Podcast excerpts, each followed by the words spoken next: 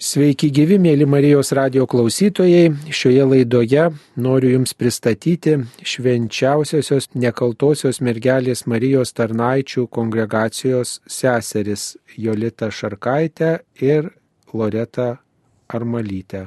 Garbėjai Jėzui Kristui. Per amžius amen. Taigi, mielos sesės, jūsų vienuolijos sutrumpintas pavadinimas būtų Marijos tarnaitės. Taigi, Marijos tarnaitės e, atvyko į Marijos radijos studiją, tai tikrai kaip namuose, jūs jaučiatės čia prie mikrofono, labai džiaugiamės ir tokia ypatinga proga jūsų kongregacija švenčia šimto metų jubiliejų, kaip tik tai vasario pradžioje švenčiame jūsų kongregacijos, jūsų vienuolijos šimtą metų jubiliejų. Tačiau vartydamas jūsų kongregacijos istoriją radau, kad jūsų įkūrėjas palaimintasis honoratas Kozminskis e, šią kongregaciją įkūrė 1878 metais, taigi jau daugiau kaip šimtas metų jūsų kongregacija gyvuoja. Tai kaip čia yra, kad švenčiame tik šimto metų sukakti, o kai tuo tarpu kongregacija įkurta jau daug seniau. Tai gal apie tą pračią kongregacijos pradžią tarkite kelis žodžius, o paskui prie šimto metų jubiliejaus priartėsime. Taigi kongregacija buvo įkurta palaimintojo tėvo honorato 1878 metais, spalio 7 dieną, per Marijos rožinio karalienę šventę ir tą dieną pirmosios tai seseris pasimeldė maldą atsimink maloningoje mergelė Marija ir taip e, gimė mūsų vienolyje.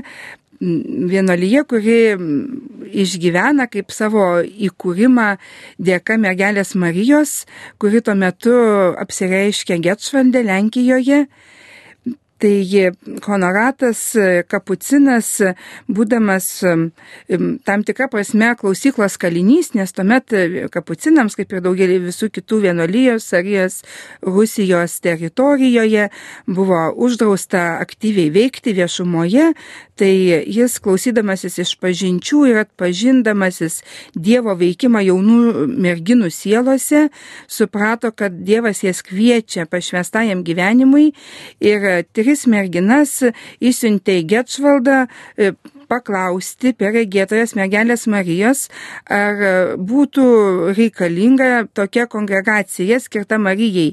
Ir kaip sako mūsų tradicija ir Getšvaldo patvirtinimo raštai, kad Marija per regėtojas pasakiusi laiminu savo tarnaitės. Tai mes tą atpažįstame, kad pati Marija troško e, tokios vienolyjos, kuri tarnautų Marijai, tarnautų Jėzui jos būdu, taip kaip Marija tarnauja, sakydama taip ir padėdama žmonėms atrasti Jėzų. Tai taip vienolyje įsikūrė ir kaip jūs sakote, jau daugiau kaip šimtas metų, jau netrukus bus šimtas penkisdešimt metų, jau ruošiamės ir šitam jubiliejui, visa kongregacija, kai mūsų vienolyje bažnyčiai tarnauja. E, taip, tai kongregacija įsikūrė Lenkijoje, o kaip štai tos e, seserys iš tos kongregacijos, jūsų kongregacijos atsidūrė Lietuvoje? Pirmosios seserys Lietuvoje atsidūrė daugmaž XIX amžiaus paskutinėme dešimtmetyje jau. Pirmiausiai Rokiški, Obeliuose, Palangoj, e, jos vainiuose, jos ten įsikūrė, kur buvo e, grafai. Nes kongregacijos pradžioje seseris buvo tarsi iš trijų grupių pati pradžia kongregacijos tai buvo bendro gyvenimo seseris, paskui vadinamos pavienės arba susivienijusios seseris ir draugijos seseris. Tos draugijos sesutės tai paprasčiausiai buvo pranciškonės tretininkės, kurios buvo kaip fundatorės tų pirmųjų sesučių e, Lietuvoje. Ir bendro gyvenimo seseris tai būdavo tos, kurios paskui tapdavo vyresniosiomis, magistromis, o daugiausia didžiausia grupė buvo tų vadinamų pavienių sesių. Ir būtent tos pirmosios pavienės seserys jau nuo 1894 metų čia Lietuvoje buvo. Ir e, taip pat ir paskui atsirado ir bendro gyvenimo seseris Rokiškyje. Ir taip palaipsniui plėtėsi vienuolyje. Ir net buvo atskira pirmoji provincija, Žemaičių provincija Plungėje nuo 1900 antrųjų iki 1909 metų. Ir buvo čia plungėje net atskiras naujokynas, e, bet reforma, tiksliau Vatikano, e, Vatikano jurisdikcijoje buvo nepatvirtintos tos bendro gyvenimo seseris, joms regula nebuvo patvirtinta, tiksliau pavieniems seserims ir tik bendro gyvenimo seseris liko nuo po tos tokios reformos, kuri įvyko 1910 metais. Ir jau vėliau e, turėjo naujokinas kažkurį laiko tarpą išsikelti į centrinius namus, į Marijuvką ir tas pirmas pasaulinis karas dar sustabdė, nors seseris visada liko Lietuvoje ir pagaliau jau, kai nepriklausomybės metas atėjo ir vėl iškilo tas klausimas atskiros provincijos Lietuvoje. E, tai štai ir švenčiame e, tos Lietuvos provincijos įsteigimo šimtmetį, kai jūsų kongregacijos Lietuvos provincija buvo įsteigta. E, gal, nu, vat, apie tas įsteigimo aplinkybės galėtumėt pasakyti, kas buvo tie, kurie patalkino steigti ir kaip buvot priimtos čia Lietuvoje.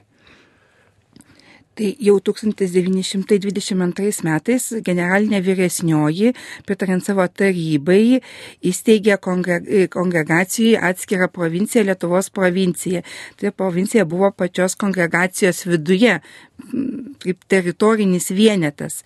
Bet prasidėjus geopolitiniai sudėtingai situacijai Lietuvoje ir konfliktui Vilniuje tarp Lietuvos ir Lenkijos iškilo daug tokių nesusipratimų sunkumų ir sunkumų tarp nu, seserų, kad ar jos galės palaikyti ryšį su Lenkija, ar jos galėtų steigti atskirą novicijatą lietuvių kalbą, kaip provincijai tą gali daryti, bet Lietuvoje buvo labai neaišku, kas čia per vienolyje, kiek jinai yra patvirtinta ir ta geopolitinė situacija, ta įtampa dar didesnė kėlė pačioj viduje, bažnyčios viduje Lietuvoje, kas liečia mūsų seseris. Todėl atsirado poreikis, kad kaip atskira provincija būtų patvirtinta ir Vatikano. Tai dėka vyskupo Pranciškaus Karevičiaus. Tai buvo patvirtinta Vatikane tokia kaip atskira Lietuvos provincija Marijos Tarnaičių kongregacijoje. E, taigi, e... 1923 metai, vasario 7 yra jūsų kongregacijos tokie, e, jūsų kongregacijos provincijos gimimo diena, gimimo šventė. Taigi gražus jubiliejų šiais metais vasario 7 ir turbūt visus metus kažkokiu būdu tą jubiliejų pažymėsite. E, turbūt reikėtų mūsų klausytojams pasakyti, kuo skiriasi jūsų kongregacija nuo kitų įprastų vienuolyjų. Pirmiausiai skiriasi tuo, kad jūsų seserys nenešioja abito, nuometo, kurį nešioja kai kurių dauguma vienuolių. Va. Gal šiek tiek apie tai, kodėl nenešiojat va, tų, tų abitų, ar dėl to, kad to nenorėjo palaimintasis honoratas Kozminskis, ar dėl to, kad nepatogu, ar bijot atkreipti dėmesį ir gauti lasdų, pavyzdžiui, jeigu e, susitinkat netikinčių žmonės, e, ar, ar tai buvo visada, ar tik dabar taip yra. Kadangi kongregacija buvo įkurta tokiom aplinkybėm, kai buvo carinė e, Rusijos teritorijoje, tai pačios aplinkybės jau neleido, kad kongregacija turėtų abitą. Ir honoratas, kuris įkūrė daugelį kitų vienuolyjų, taip pat įkūrė neabituotų, kadangi tai buvo tokios aplinkybės. Bet jis išvelgė daug gilesnę prasme, ne tik tai, kad nu, nėra tokių sąlygų, bet neturėjimą abito jisai pagrindė, tai yra būdas ir kelias sekti Jėzų, kuris pats 30 metų e, savo gyvenimo Nazarete buvo nežinomas e, kaip Dievo sūnus, net, pažįstas, net pažįstamas, gyveno kaip vienas iš žmonių, taip pat ir jo motina mergelė Marija, kuri taip pat nebuvo žinoma kaip ypatinga, išskirtinė Dievo akise, žmonių akise jinai buvo kaip eilinė moteris. Tai honoratas mums seserims e, nekarta yra pakartojęs ir užrašęs, kad net jeigu pasikeistų e, situacijos ir jūs galėtumėte užsidėti abitą, to nedarykite, nes jūsų abito nenešiojimas yra daug giliau negu negalėjimas jo nešioti. Tai mes tą išgyvenam kaip būdą sekti Jėzumi. Kiekviena vienolyje yra pašaukta kažkokiu būdu, ypatingu būdu sekti kažkokį išskirtinį Jėzaus bruožą.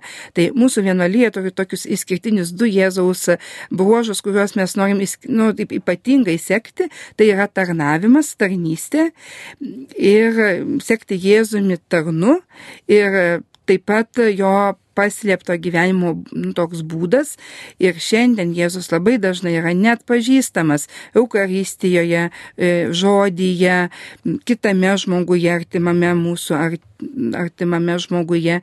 Tai tokiu būdu mes neturėdamos abidas sekam Jėzų ir kartais esam net pažįstamos, nesuprastos, nepriimtos kaip seseris, bet tai ne, dėl to nesam nuskriaustos.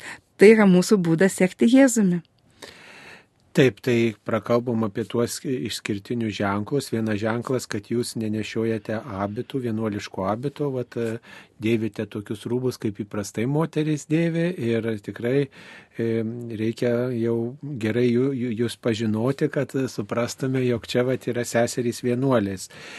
Gal dar reikėtų pasakyti, kaip sakoma, kokia yra vienuolino charizma, kokia vienuolino misija, pašaukimas, dovana, kokią ypatingą e, misiją atliekate e, šiame pasaulyje. Vieną minėjote, kad yra tarnystė ir tas paslėptas gyvenimas, tačiau tarnystė mm, galbūt tam tikrai žmonių grupė, galbūt ir istorija čia būtų proga prisiminti, kam anksčiau seserys tarnavo e, labiau ir, ir kam tarnaujate dabar. Tai su charizmos pagrindinė šis yra sekti Jėzumi, būtent tuo, kuris tarnauja ir pačioms tarnauti Marijos būdu, tokiu paslėptų būdu, pirmiausia sakant taip, kaip Marija sakė taip, ir tarnauti žmonėm, kuriuos Dievas mums duoda mūsų kelyje. Ir turbūt e, toks vienas iš pagrindinių mūsų bruožų, kad mes nepasirinkam kažkokios atskiros žmonių grupės, kuriem tarnaujam, bet savo aplinkoj, kur esam, kiekvienas žmogus yra mums brangus, kad galėtumėm kokiu nors būdu jam pasitarnauti. Kitas e, mūsų toks palaimintojo honorato įkūrėjo palikimas, tai yra tarnystė kaimo aplinkoje. E, tuomet e, istoriškai iš tiesų tai daug, daug žmonių gyveno kaimuose ir įvairios problemos, alkoholizmas, beraštystė, to žmonės lydėjo ir buvo labai aktualu atsiliepti jų poreikius. Tai tai seseris darė, turbūt tai viena iš priežasčių, dėl ko ir nulėmė nuo pat pradžių didelį seserų skaičiaus augimą, nes e, tai buvo vienolyje labai aktuali tuo metui. Šiandien mes e, atpažįstam, kad kaimas yra labai plati savoka, ne tik tai teritorinė. Ir čia popiežius Pranciškus mums ateina į pagalbą, atskleisdamas šiandien tą kaimo savoką kaip periferija. Ten, kur žmonės yra pakraščiuose, neišgirsti, nesuprasti, turintis mažesnių galimybių. Todėl mes istoriškai seseris visą laiką stengiasi daryti to, kas tuomet labai aktualu тепло, kas reikalinga. Ir mes turim daugybę tų pavyzdžių ir tarpukario laikotarpyje, ir paskui tarybiniais metais. Tokiu būdu seserys išvyko į Afriką į misijas tik dėl to, kad popiežius prašė atsiliepti, tai yra reikalinga. Tai seserys sako, tai mes esam pirmos, kurios turim atsiliepti. Tai važiuojam į misijas. Tai ta pati nuostata lydi ir šiandien. Mes žvelgiam į aplinką, kurioje esam ir klausim, kur mes šiandien esam reikalingos su savo pasitarnavimu planavimu. Ir dėl to tą stengiamės daryti. Ir taip gimsta mūsų konkrečios veiklos, konkrečios misijos ir konkrečios gyvenimo vietos. Taip, iš jūsų vienuolijose su aušra buvo išvykusi į misijas ir berus dešimt metų praleido Afrikoje, pati mokydamasi vietinės kalbos ir kartu mokė rašto, mokė visokių įgūdžių tenykščius gyventojus. Tai tikrai labai įdomi patirtis ir apie tai esame kalbėję Marijos radio laidose. E, na, jūsų vienuolyje prieš karą garsėjo kaip ta, kuri turi be galo daug pašaukimų ir kuri tikrai turėjo daug naujokių ir buvo gana didelė, gal apie tuos skaičius, keletą žodžių tarkite, kiek, kiek seserų buvo, pavyzdžiui, prieš karą, tokiu pačiu didžiausiu vienuolijos klėstėjimo metu, kai gausiausias būrys seserų buvo vienuolinė kongregacija buvo kaip Lietuvos provincija buvo jauna. Tada prieš karą jauna iš tiesų didžiausias skaičius seserų tai buvo apie 1980 metus. Ai, taip, sovietmečiu. O, sovietmečiu, taip. O 1940 metais e, e, ta, Tarp kitko, reikia pažymėti, kad dėl savo slaptumo mūsų Lietuvos provincija e, turėjo savo slapyvardį ir veikė Lietuvaičių švietimo draugijos vardu. Ir Lietuvaičių švietimo draugija kaip tokia, kur dirbo būtent amžinų ir laikinų įžadų sesės profesijas, draugijos narės, tada tais metais prieš, žodžiu, okupaciją turėjo net 16 vietų, e, kur darbavosi, bet tai nebuvo konkreti vieta kaip vietovė, bet tiesiog įstaigos e, ir kai kurios e, iš tikrųjų yra sudėtinga suskaičiuoti, kiek apriepė našlaičių prieglaudų, žemės ūkio mokyklų, mergaičio matos ruošos mokyklų, e, vaikų, prieg, vaikų prieglaudų tokių, kur būtų kartu ir mokymas. Pavyzdžiui, pradinis mokymas. Tai, kas buvo tuo metu Lietuvoje aktualu ir kas tiesiog galima sakyti, prašėsi veiklos. Pavyzdžiui, konkrečiai čia Kaune, e, Kauno mergaičių globos ir darbo namai buvo tokie garsus, nes tada Lietuva turėjo mm, e, tiesiog sostinę va čia Kaune ir tame darbo namuose ir tam darb, įdarbinimo biure e, būdavo nuolatos apie 50 globotinių. Ir tiesiog vien per 39 metus buvo suteikta pagalba 11 588 nu, moteriams merginoms. Tai iš tikrųjų skaičiai didžiuliai čia. Aišku, kongregacija buvo taip pat palaikoma, kodėl ji taip plėtėsi, buvo palaikoma e, ir tuometinės dvasininkijos ir, ir taip pat laiminama tam tikrą prasme ir valdžios, kaip, kaip, kaip draugija. Taip kaip ta tiesiog bendruomenė, organizacija, kuri rūpinasi lietuvaičių švietimu, reiškia ypač moterų švietimu atvykusių iš kaimo, iš provincijų ir kaip ta bendruomenė, kuri padeda surasti darbą. Bet ar tik tai moterimis rūpinotės per tuos metus istorijoje? Tai tuo laikotarpiu kita tokia, galim sakyti, laiko ženklų padiktuota, tai buvo varguoliai, našlaičiai, vaikai, varguoliai, seneliai arba, tarkim, kas mažes, nu, mažesnio išsilavinimo, e, moteris, merginos irgi, kur galėjo toliau savo žinias plėtoti, seseris turėjo tas galimybės. Ir sakyčiau, kas galbūt pats svarbiausias, svarbiausias akcentas buvo tiesiog atsiliepti į tos vietovės poreikius. Nes seseris turėjo namus palangoj, tauragiai, adakave, girienuose, um, rokiškyje. Jau panevežys buvo kaip ir draugijos, kaip ir provincijos centras, uh, va, jau nes, nekalbant apie Kauną ir Vilnių. Taip, tai vienas ženklas, kad jūs nenešiojate bitų, patarnaujate įvairiems žmonėms, gyvena tokį kartu ir paslėptą gyvenimą, kartu sekate bendruomenėje Kristų ir iš kitas švietimo sritim rūpinatės. E, bet dar turbūt yra vienas toks dalykas vienuoliniam gyvenime, kaip maldingumas, tam tikras dvasingumas. E, ar turite kažkokias specialias maldas? Aišku, visos vienuolijos meldžiasi brevijorių ir dalyvauja šventose mišiuose, tačiau galbūt yra kažkokia malda, kurią kiekvieną dieną jūsų vienuolino sesuo turėtų pasimelsti, pavyzdžiui, mergelė Marija. Taip, nuo pat pradžių sesės kasdien tiesiog va per tą visą laikotarpį nuo pat mūsų įsisteigimo. Pirmas, pirma mūsų malda yra atsidavimas, kasdienis atsidavimas mergeliai Marijai. Ir toliau tokia, kaip sakyčiau, irgi išskirtinė malda, kuri mus lydi, tai yra švenčiausio sakramento adoracija ir joje tyloje susitikti viešpati ir tas, kuris yra pasislėpęs, mes iš jo mokomės slaptumo ir tarnystės dvasios.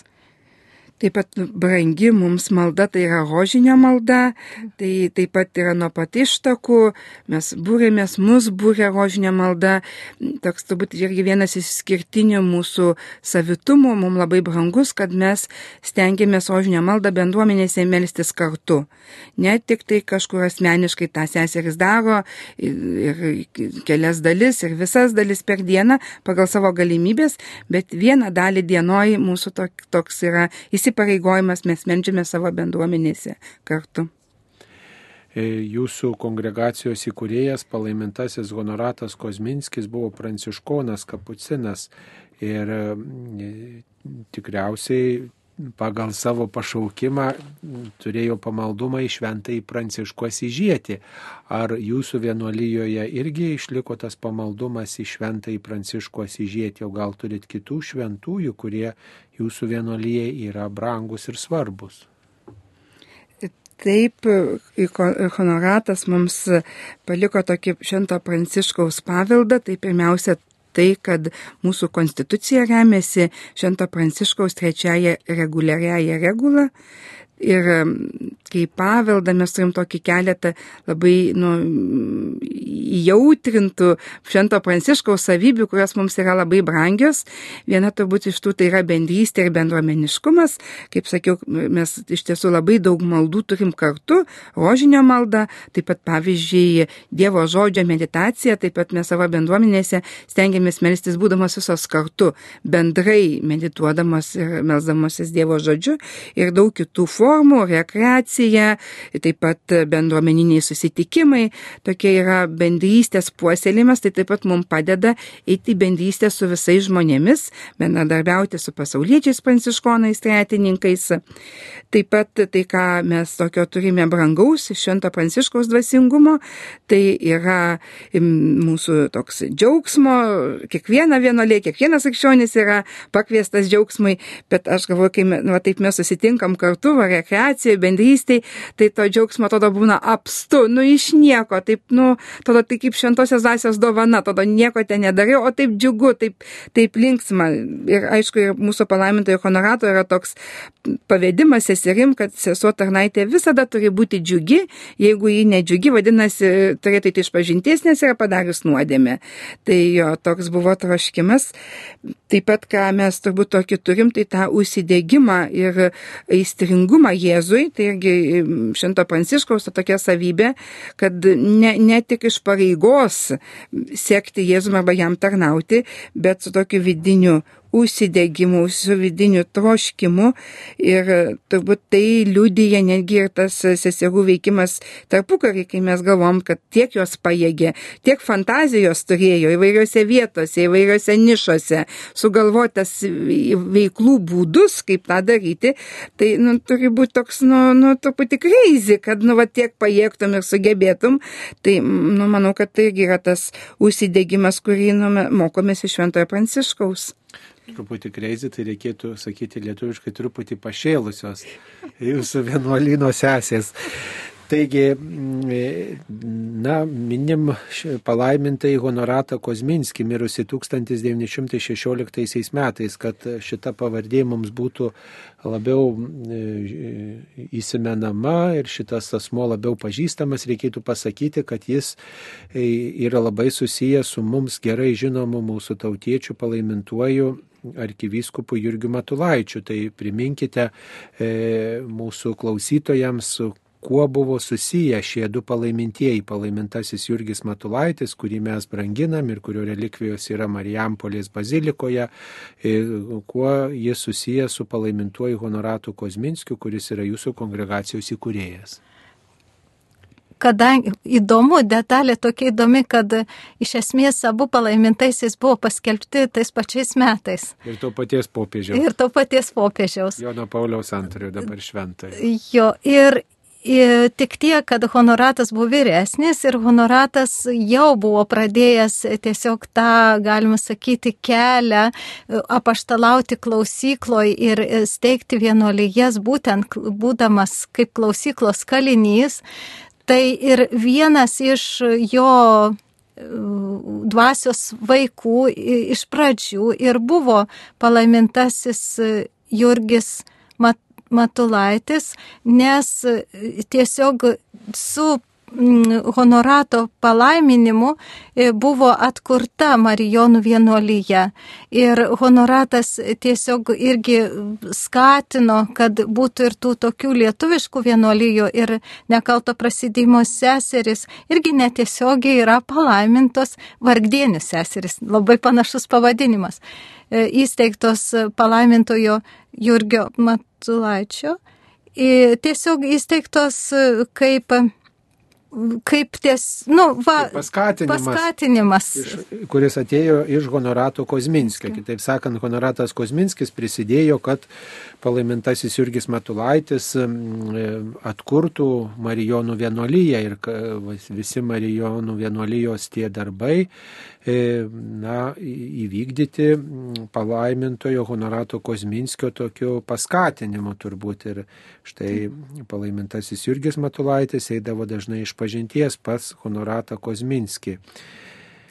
Taigi e, štai tokia draugystė šių žmonių, ji tiesiog, na, vat, primena mums, kad ir tikrai tie žmonės, kurie eina šventumo keliu, gali vienas kitam būti talkininkais, patarėjais ir pagalbininkais. Mm, taigi be šitų žmonių, kokie dar ganytojai jūsų misijoje pasitarnavo. Gal priminkim mūsų klausytojams tas pavardės, kurias turbūt atpažins daugelis mūsų klausytojų, kad tie ganytojai taip pat pritarė šiai kongregacijai ir labai glaudžiai su ją bendradarbiavo.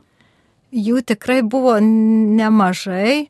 Aš pabandysiu keletą pasakyti tokių, galim sakyti, kurie buvo tikrai labai svarbus e, sesučių misijoje, tai yra konkrečiai dėl Lietuvaičių švietimo draugijos pasidarbavę, e, kad ir pats e, vyskupas minėtas Karevičius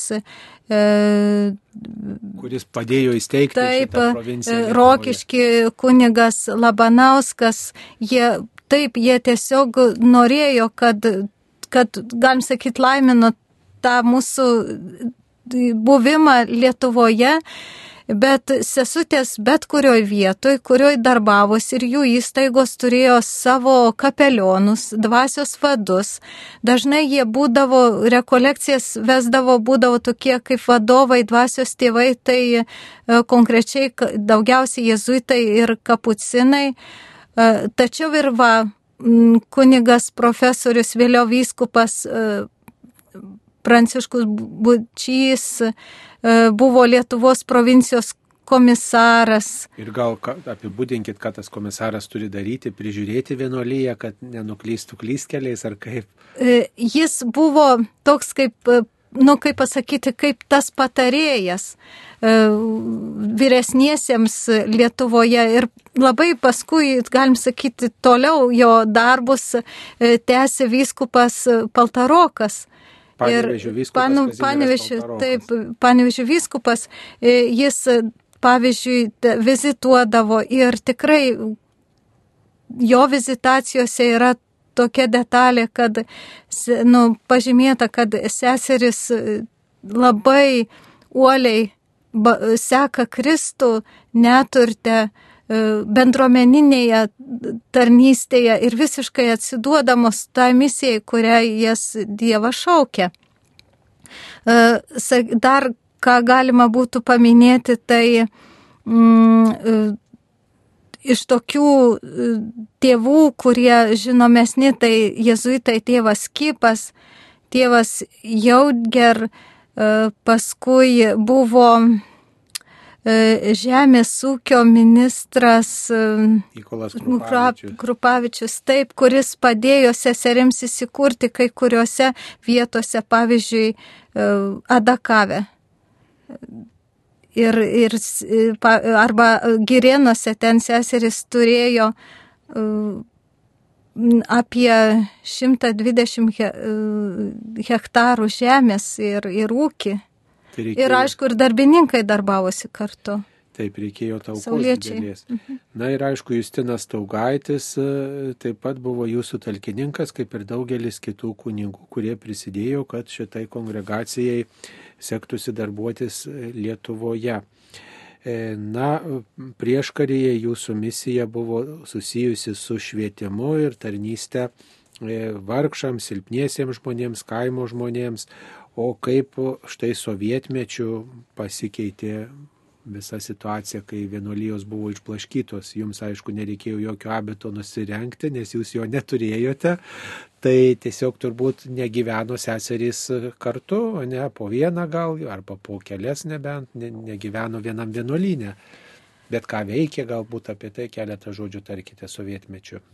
Nors ir seseris neturėjo abetų, bet buvo persekiotos. Ir keletas sesučių net ir kalintos.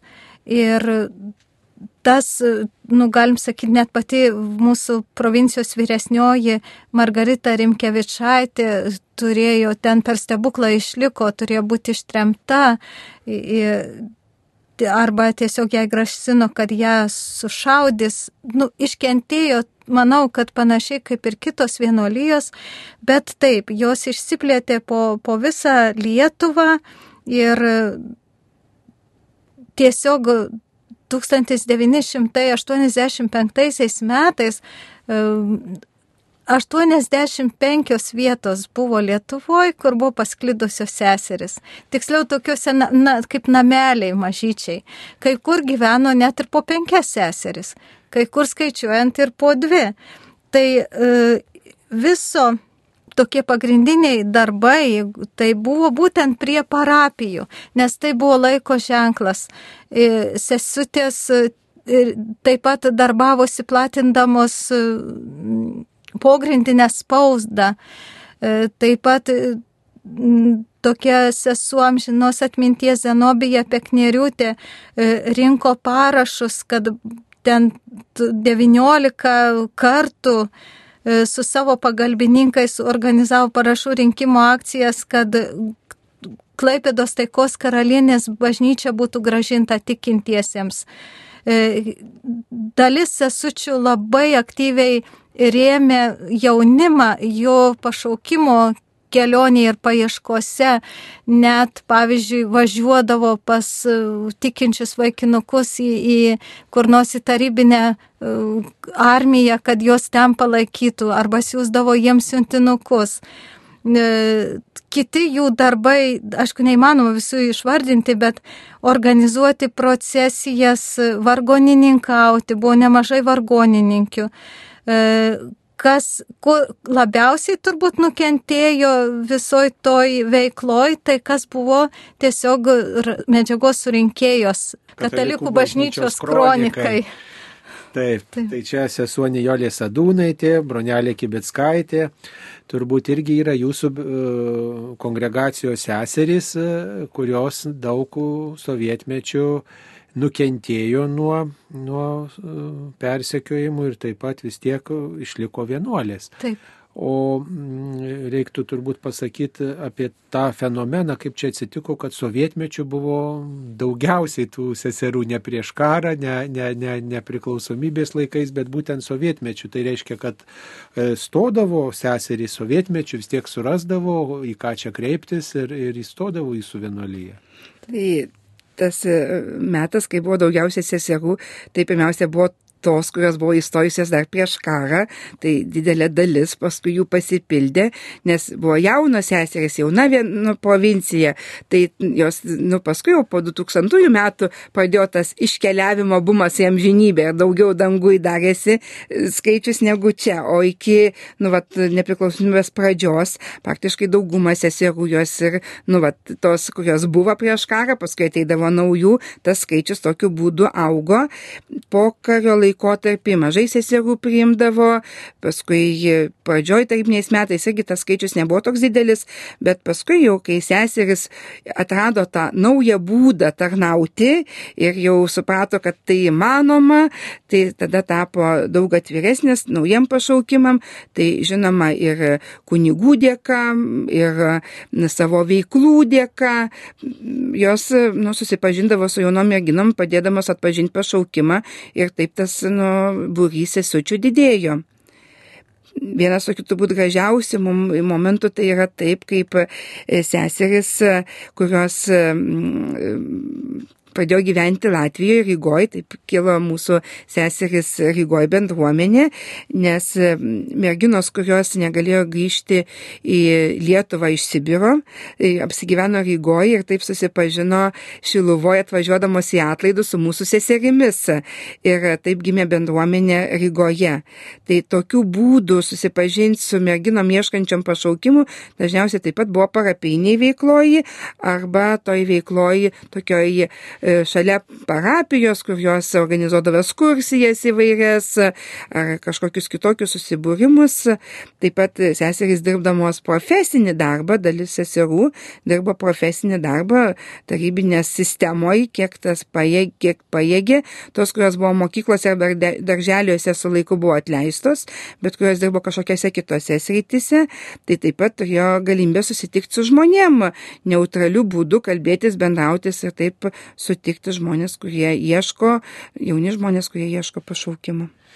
Na štai jau daugiau kaip 30 metų nepriklausoma Lietuva gyvuoja ir gyvuoja jūsų vienolyje. Tai kokia dabar yra jūsų charizma, kuo seseriai susijima šiais laikais? Ir toliau sesės ieško, kaip jau sesė Jolita minėjo, kur labiausiai reikia. Tiksliau, mus pakviečia.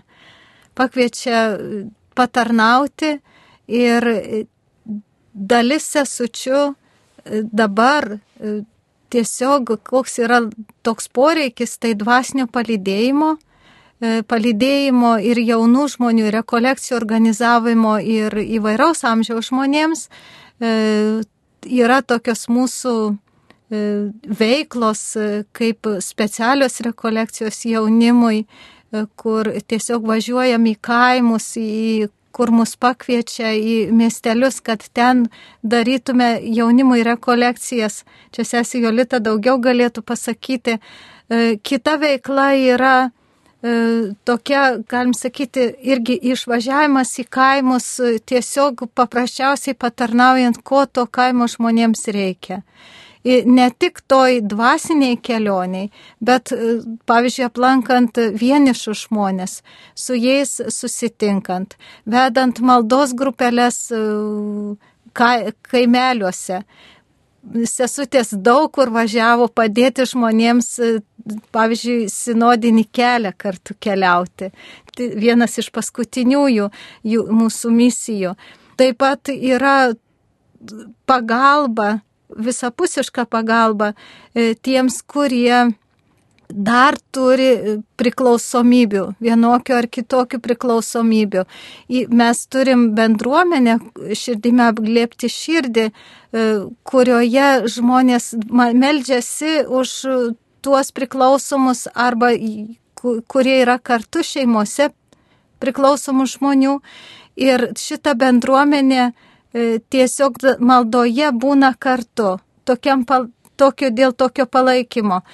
Taip pat kita, sakyčiau, mūsų bendradarbių grupė šių laikų irgi ženklas, tai atsikūrusios tos vadinamos pavienės sesės, jos dabar yra iš tikrųjų pasaulietės e, apaštalinėje bendruomenėje Fiat. Šita bendruomenė e, tai mūsų dvasingumu gyvenanti bendruomenė. Ir tačiau skirtingai negu, pavyzdžiui, krikščioniško bend, gyvenimo bendruomenė ar kitos, jai priklauso merginos ir moteris netekėjusios kurios trokšta pasaulį gyventi e, pasišventusios, atsidavusios visiškai kaip Marija savo profesiniai tarnystiai ir gali darytis privatų skaistybės įžadą. Ir jos tiesiog lieka savo aplinkoje tarnauti tokiu būdu, kaip mes tarnaujam bendru, nu, būdamos bendruomenėse.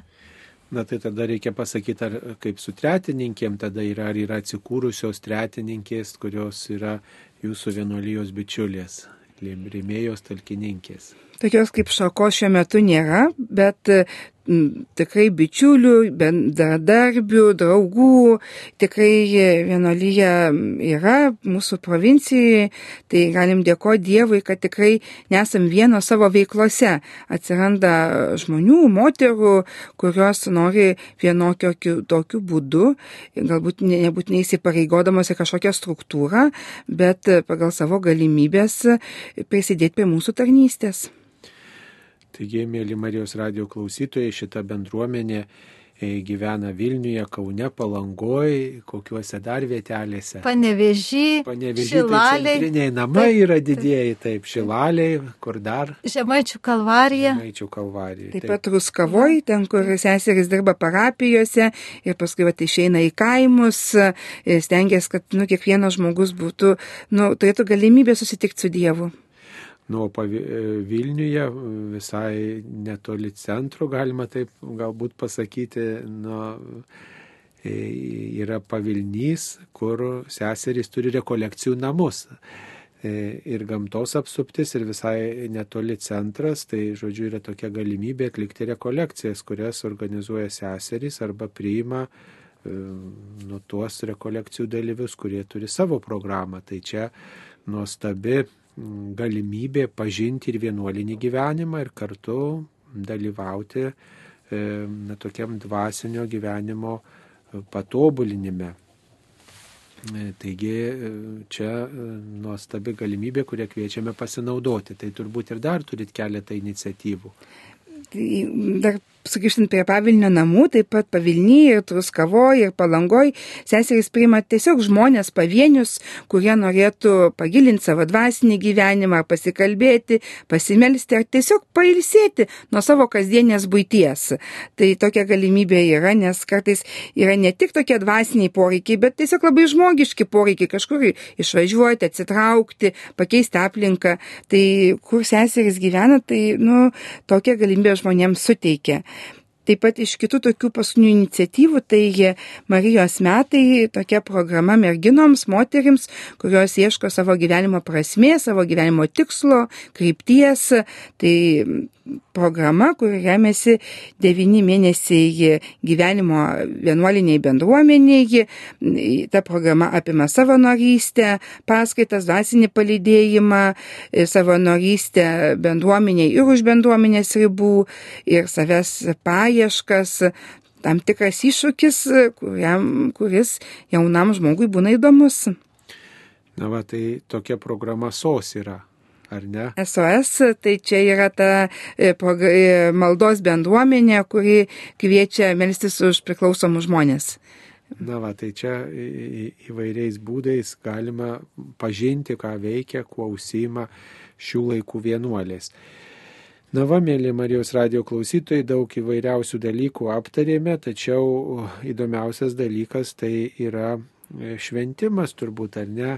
Ir mes esame kartu su jumis nekartą šventę pavilnyje ir, ir, ir naujų metų šventę labai džiaugsmingai sutikę ir krikščioniškai šventę. Tai tikrai yra smagu švesti su jumis, smagu bičiuliautis ir dabar štai šimtas metų jubiliejus jūsų provincijai, kaip vienuolis e, šves šitą šimtmetį, ar bus tortas, ar bus e, giesmės, dainos, kelionė, dar kokių pramogų.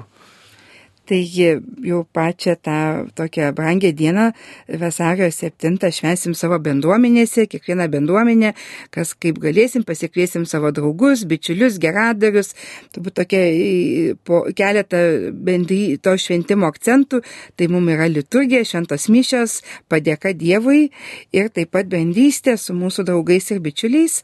Taip pat turėsim tokią dieną, kai susirinksim visos seseris, tik seseris savo tarpę, kad galėsim galėtumėm pasidalinti, e, kokios seseris, e, kokie įvykiai mūsų pašaukimą brandina, padėjo atpažinti ir šiandien mes toliau galim vieną kitą stiprinti pašaukimo kelionėje. Taip pat e, planuojam, kad tokią vieną dieną turėsim visiems žmonėms, kurie yra mūsų draugai, bičiuliai, geradariai, su seserim iš Lenkijos, su ganytojais, padėko Dievui už tą šimtą metų tarnystės Lietuvoje.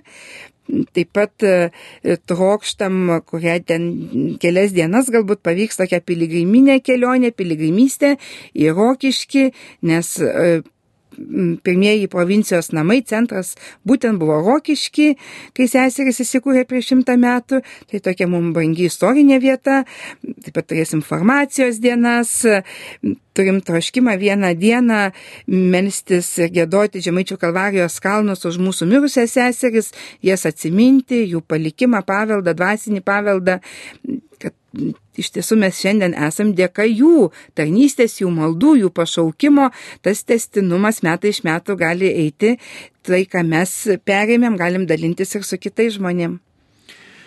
E, na, svarbu turbūt tikėjimo žinia dalinti su įvairiais žmonėms, taigi ką galėtumėt, ką norėtumėt pasakyti tiems, kurie mm, nepasirinkė vienuolinio kelio, bet yra mūsų klausytojai, galbūt yra vieniši žmonės arba arba šeimose gyvena ir štai klausosi Marijos radijo ir nori gilinti savo tikėjimą, į ką norėtumėte kreipti daugelio moterų ir, aišku, vyrų dėmesį į kokius dvasinius dalykus kartais mums gali atrodyti, kad vienuolės į tokį savo gyvenimą gyvena kažkokį uždarą, kažkokį tokį savitą.